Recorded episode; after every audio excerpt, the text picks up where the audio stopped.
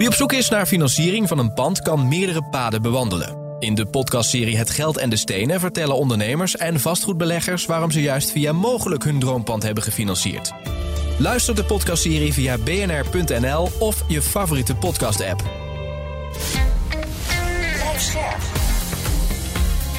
BNR Nieuwsradio. Vastgoed gezocht.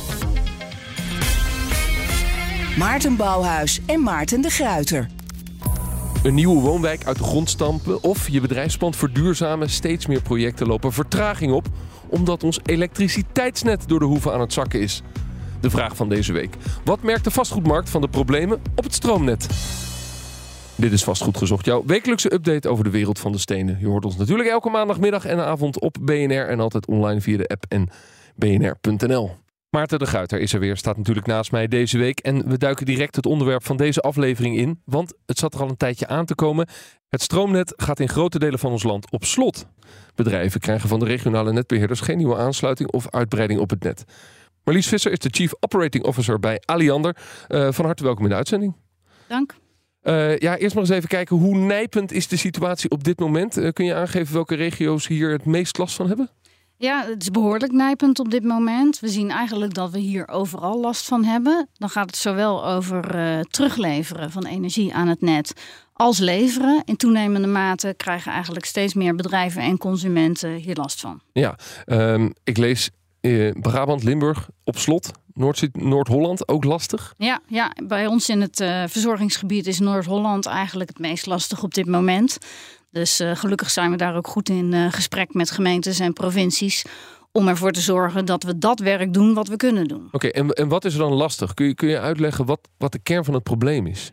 Ja, de kern van het probleem is dat er gewoon een aantal beperkingen zijn die ons hinderen om uh, voortvarend aan de slag te gaan, enerzijds. En aan de andere kant dat de energietransitie nu zo verschrikkelijk snel op gang komt.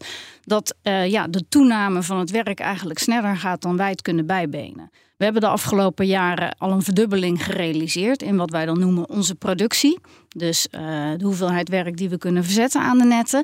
Maar het moet nog veel meer. En dat werk verzetten aan de netten, dat is dat is letterlijk graven in de grond en, en kabels leggen. Dat ja. is wat jij bedoelt met, ja. met werk verzetten. Ja, zeker. Ja. Ja, er moeten richting 2030 40.000 kilometer kabel bijkomen, 25.000 elektriciteitshuisjes.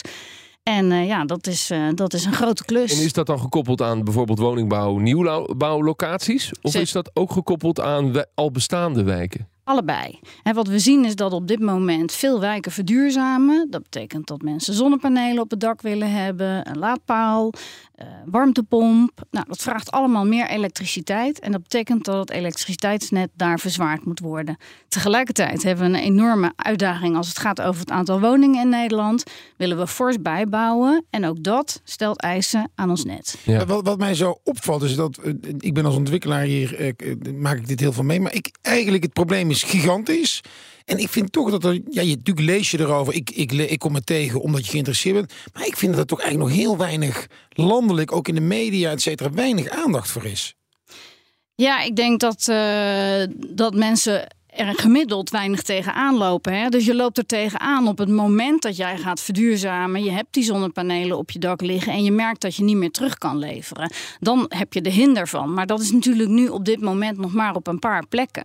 Dus ik denk wel belangrijk om er aandacht voor te hebben. Want uh, zoals wij eerder dit jaar ook hebben aangekondigd gaan, gaat eigenlijk iedereen ermee te maken krijgen de komende jaren. Dus uh, één op de drie straten moet open om die gigantische klus te doen. En het is heel erg belangrijk dat wij met elkaar goed bepalen waar we als eerste willen beginnen en uh, wat de volgorde wordt van het plan. Eén op de drie straten moet open. Ja. Het interessante is, mijn straat is afgelopen jaar open geweest voor de glasvezel. Ja. En Ja. er zijn ook buurten waarbij de riolering vervangen moet worden. Zeker. Dus het is ook belangrijk om al die plannen goed op elkaar af te stemmen. Dus Dat is informatie. volgens mij voor jullie in de praktijk super moeilijk. heel erg Om met al die andere nutsbedrijven af te stemmen dat we één keer de straat opengooien. Ja, ja. En soms wat, moet je. wat kunnen jullie daaraan doen om dat wel voor elkaar te krijgen? Want ik heb het zelf letterlijk bij mijn oprit geprobeerd met de nutsbedrijf. Is niet gelukt. Ze kwamen allemaal op een andere dag. Ja, ja. ja, wat we doen is, we hebben daar met elkaar contact over. Dat zijn samenwerkingsverbanden. We noemen dat dan in onze sector de samenwerking in de combi. Dus we weten. Hé, dat- wat een lekkere term. De samenwerking in de combi. Ja. Dus we, we weten dat we die plannen op elkaar moeten leggen om daar goede keuzes in te maken. Wat we in welke volgorde uitvoeren. En we proberen daarbij zo min mogelijk hinder eh, te veroorzaken voor de omgeving. Want het is natuurlijk hartstikke irritant. Als je straat net open is geweest en een half jaar later moet er opnieuw iets gebeuren in de ondergrond. En het is ook duurder. Ja. Dus we proberen daar zo kostenefficiënt als mogelijk mee om te gaan. Door dat werk op elkaar af te stemmen. En dat kan soms wel en soms niet. Je gaf de probleemstelling aan, of eigenlijk de oorzaak. Namelijk, we zijn aan het verduurzamen, laadpaal, zonnecellen. Eh, maar hoe heeft het dan zover kunnen komen? Wat is er nou gebeurd waar- waardoor we nu in één keer tegen een enorme achterstand aanlopen? Nou, kijk, zoals ik al zei, we hebben inmiddels al twee keer zoveel werk verzet als dat we voorheen deden. Dus op dit moment investeren wij meer dan 1 miljard per jaar in de ondergrond. Ehm, dus we hebben al een enorme versnelling gemaakt. Maar we zien ook dat de energietransitie nog sneller gaat. En dat is natuurlijk ook aangewakkerd door de situatie in Oekraïne, stijgende gasprijzen. Ja, je kan er treurig over zijn, maar het is ergens misschien ook goed nieuws. Maar het werk moet wel gedaan worden en daar zijn we druk mee. Ja. Dan dat elektriciteitsnet. Eh, misschien goed om even uit te leggen hoe dat dan zit. Want we hebben een hoogspanningsnet met hoogspanningsstations en een laagspanningsnet. Eh, en jullie beheren het laagspanningsnet, hè? Ja, Ja. dat klopt. En, en waar zitten dan de opstoppingen? De opstoppingen zitten eigenlijk overal. Dus wat we zien is dat er zowel op het niveau van het hoogspanningsnet als op het niveau van het laagspanningsnet uitdagingen zijn en eigenlijk file op het net is. File op het net. Ja. Dus de, het net kan gewoon eh, de hoeveelheid stroom die er doorheen moet niet aan. Nee, klopt. Nee, Ja. Ehm, eh, ja, dan wil je dat dus uitbreiden en dan loop je dus tegen problemen aan. Ja, dat klopt. Ja. ja, en het is heel erg belangrijk dat we precies weten waar welke vraag gaat komen. En dat weten we nu nog onvoldoende. Dus het is belangrijk dat met name hè, woningbouwcorporaties, projectontwikkelaars, dat die zich vroegtijdig bij ons melden met hun plannen. Niet alleen aangeven waar ze plannen willen realiseren, maar ook aangeven voor welk warmteconcept zij vervolgens kiezen. Want eh, op het moment dat je ergens met elkaar een warmtenet eh, aanlegt, dan heb je veel minder elektriciteit nodig dan als een eh, wijk all-electric wordt gebouwd. Dus het is echt belangrijk om helemaal aan de voorkant bekend te maken waar gaan we aan de slag en Dat je dit nu uitspreekt, suggereert dat dat op zich niet gewoon is. Maarten, hoe werkt dat als projectontwikkelaar? Je, je, je, je maakt een plan en aan het einde doe je een telefoontje naar de netbeheerder en zeg je, "Joh, we hebben ook stroom nodig. Nee, nee, al veel eerder. Maar ik, eh, eh, wij hebben hier natuurlijk on- ontzettend veel problemen mee. We hebben bijvoorbeeld nu aan de hand een, een, in een middelgrote eh, gemeente in Noord-Holland... eh, waar we een eh, locatie willen verwerven... eigenlijk eh, akkoord hebben met de verkoop van de locatie. Die, de gemeente heeft al eh, het bestemmingsplan gewijzigd. Het is allemaal al toegevoegd aan het bedrijventerrein. Ehm, dus de gemeente wil dat dat bedrijventerrein daar op die plek uitbreidt. Jij, jij wil We daar hebben een huurder. ontwikkelen. We hebben een huurder. Maar we kunnen niet ontwikkelen, want pas over de, de gemeente zegt: kom over vijf, over vijf jaar gaan wij nadenken over hoe we hier de elektriciteit gaan regelen. Ja, dat is natuurlijk bizar. Daarom verbaast het mij ook zo. Daarom vroeg ik toen net ook. Verbaast het mij zo dat je toch weinig hoort. En het- het- het- juist antwoord natuurlijk. Als, als mensen er zelf niet mee te maken hebben, direct, dan, dan speelt het niet. Ja, dit is gewoon een bedrijf die geen nieuwe locatie kan vinden in Noord-Holland. En maar het ik vind het zo bizar dat er dus dat bedrijventerrein is al besloten dat het er komt. En dus eigenlijk is het het gekke is niet dat, dat ik er dan tegenaan loop. Maar het gekke vind ik ja, dat, er- dat dus er een overheid is die dan dus die wil daar wel een bedrijventerrein gaan ze herbestemmen. Maar ja, ja we kunnen alleen geen elektriciteit leveren. Maar wat is dan de werkverdeling? Want Maarten heeft het over de gemeente. Maar jullie zijn geen gemeente. Nee. Moet Maarten dan toch gewoon direct met Liander bellen? Ja, nou, ik denk allebei. Hè. Dus we, eh, alle ketenpartners, zoals wij dat noemen, hebben hier een belangrijke rol in. Dus niet alleen de projectontwikkelaars, maar ook inderdaad de gemeente. Ehm, en Liander. We Maar moeten hoe kan de gemeente het tegenhouden? Want Maarten zegt in dit voorbeeld... Wij houden het niet tegen. En ze zeggen, we gaan over vijf jaar nadenken. Ja, ja de- blijkbaar hebben ze dus zoveel van dit soort, is, zoveel van dit soort uitdagingen. Dat het, ik neem aan dat het het kiezen is van welke ze het eerst willen. Ja. En dat ze denken, nou ja, dan daar. En, de- en in jullie combi-overleg eh, eh, be- eh, eh, bepaalt de gemeente mede waar we als eerste nieuwe kabels gaan aanleggen. Nee, in principe is het niet zo dat de gemeente dat bepaalt. Maar de gemeente is wel verantwoordelijk voor het bijvoorbeeld het verstrekken van de vergunningen.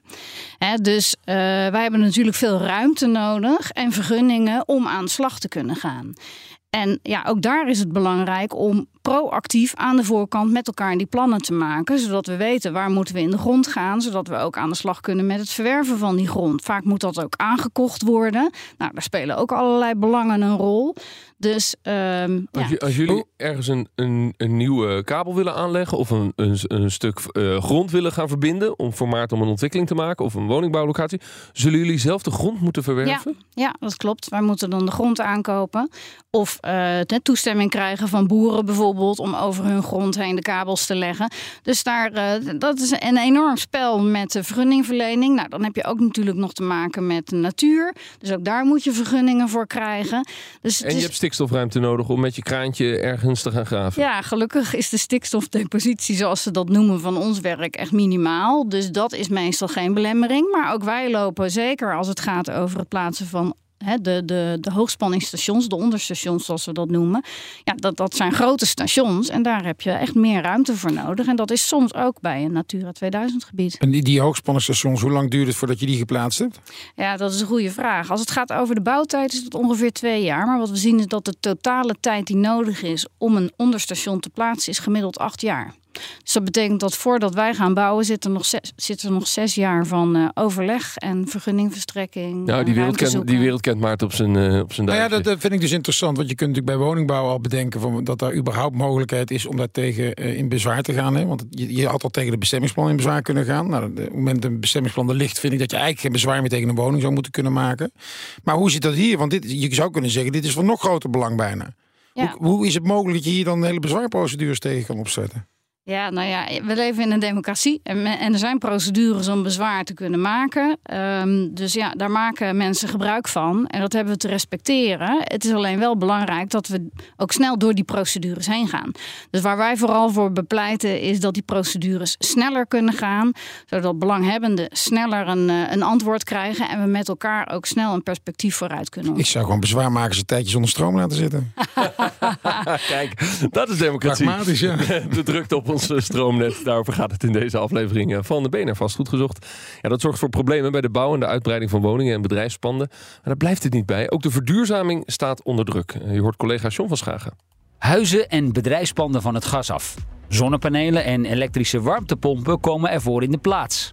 Op steeds meer plekken in Nederland zien we dit de afgelopen jaren gebeuren. Maar inmiddels blijkt ook, ons stroomnet kan die ontwikkeling helemaal niet bijbenen. Ons elektriciteitsnet is eigenlijk helemaal niet ingericht voor het hoge verbruik van elektriciteit en het terugleveren daarvan. En om je even een voorbeeld te geven, een all-electric huis gebruikt ongeveer vier keer meer elektriciteit dan een bestaande woning op aardgas. Veel huishoudens en bedrijven willen verduurzamen, maar worden nu geremd in die ambitie. Lang wachten voor de aansluiting van een laadpaal bijvoorbeeld. Of zonnepanelen op je bedrijfspand die de opgewekte stroom tijdelijk even niet kunnen terugleveren. Gelet op de enorme klimaatopgave kunnen we dat er eigenlijk even niet bij hebben.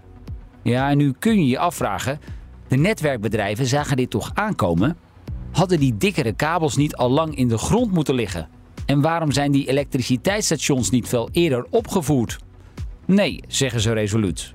Dat de komst van pak een beet 1 miljoen warmtepompen, 300.000 elektrische auto's met laadpalen en miljoenen zonnepanelen in Nederland zo snel zou gaan, dat had bijna niemand voorzien.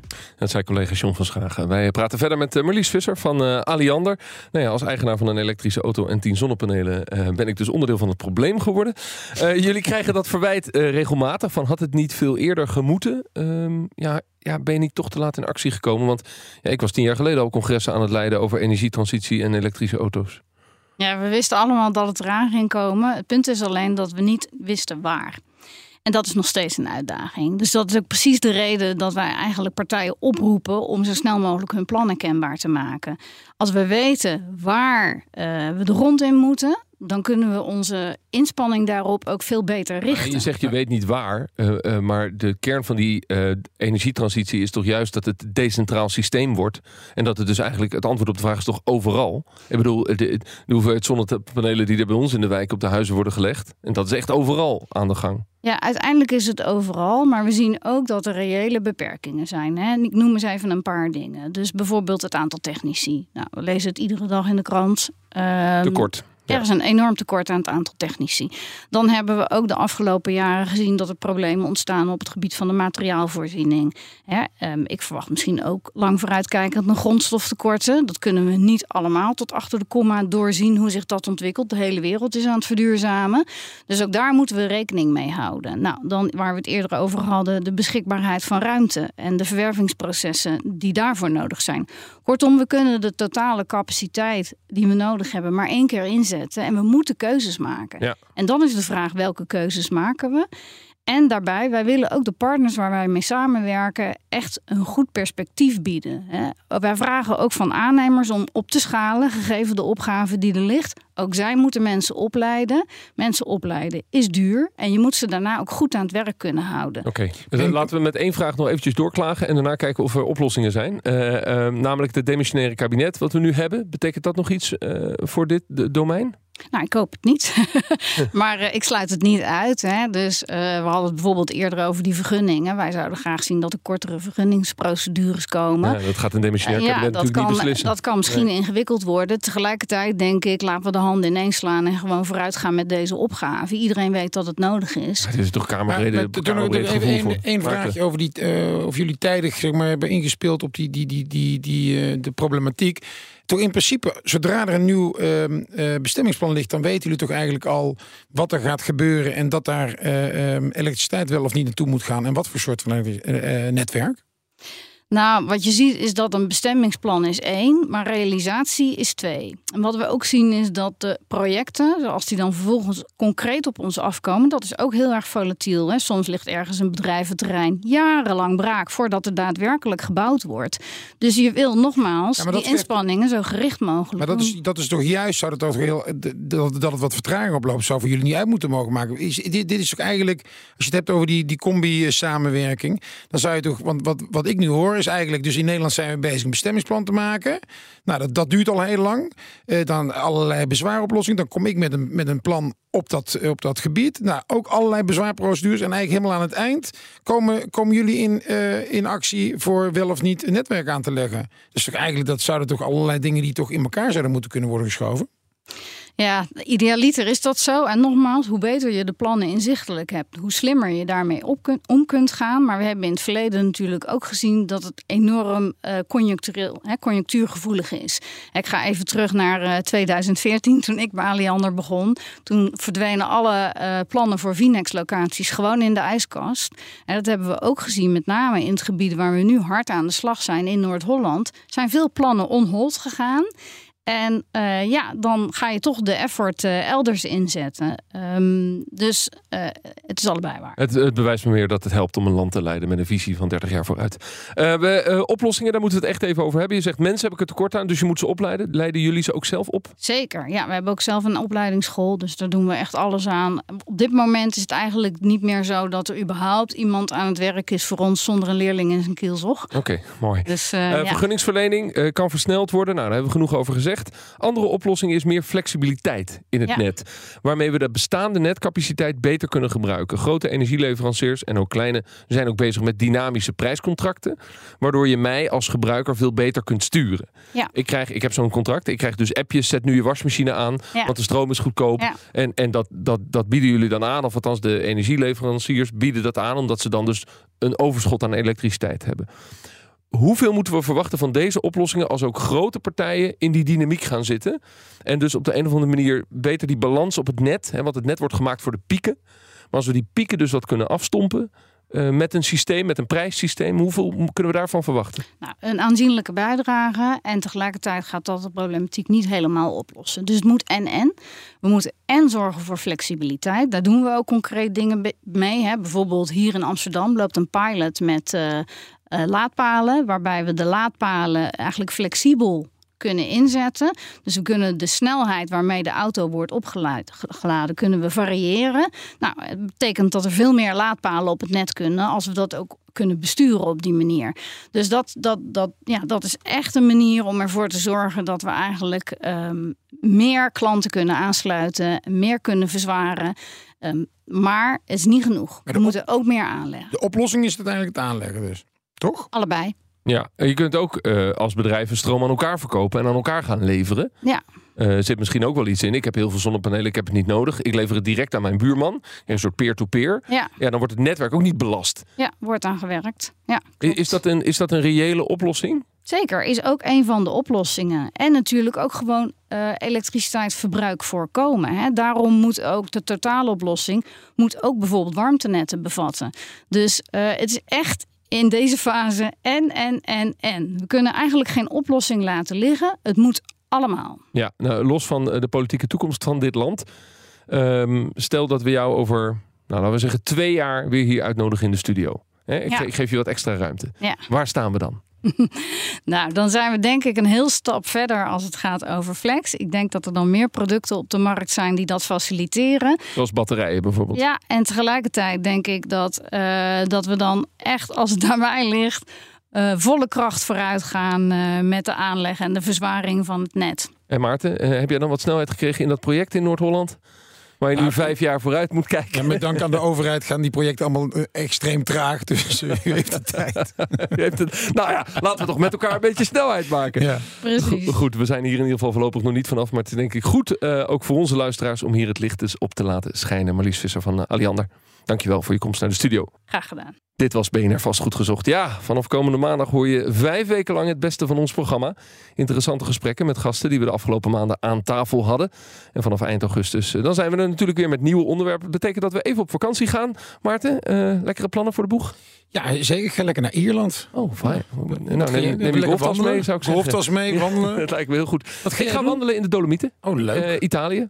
En, en we gaan waarschijnlijk toch, we zitten een beetje te dubben, maar we, we pakken de elektrische auto. oh ja? Ja, gaan we gewoon lekker doen. niet. Duurzaam eh, Ja. naar Italië toe. Nee, helaas. Jongens, eh, tips voor ons programma, ook na de zomer. Laat ze aan ons weten via schagen.bnr.nl, eh, de mailadres van John van Schagen. Voor nu bedankt voor het luisteren. Dag. Vastgoed gezocht wordt gesponsord door Mogelijk. Mogelijk. Vastgoedfinanciering voor ondernemend Nederland.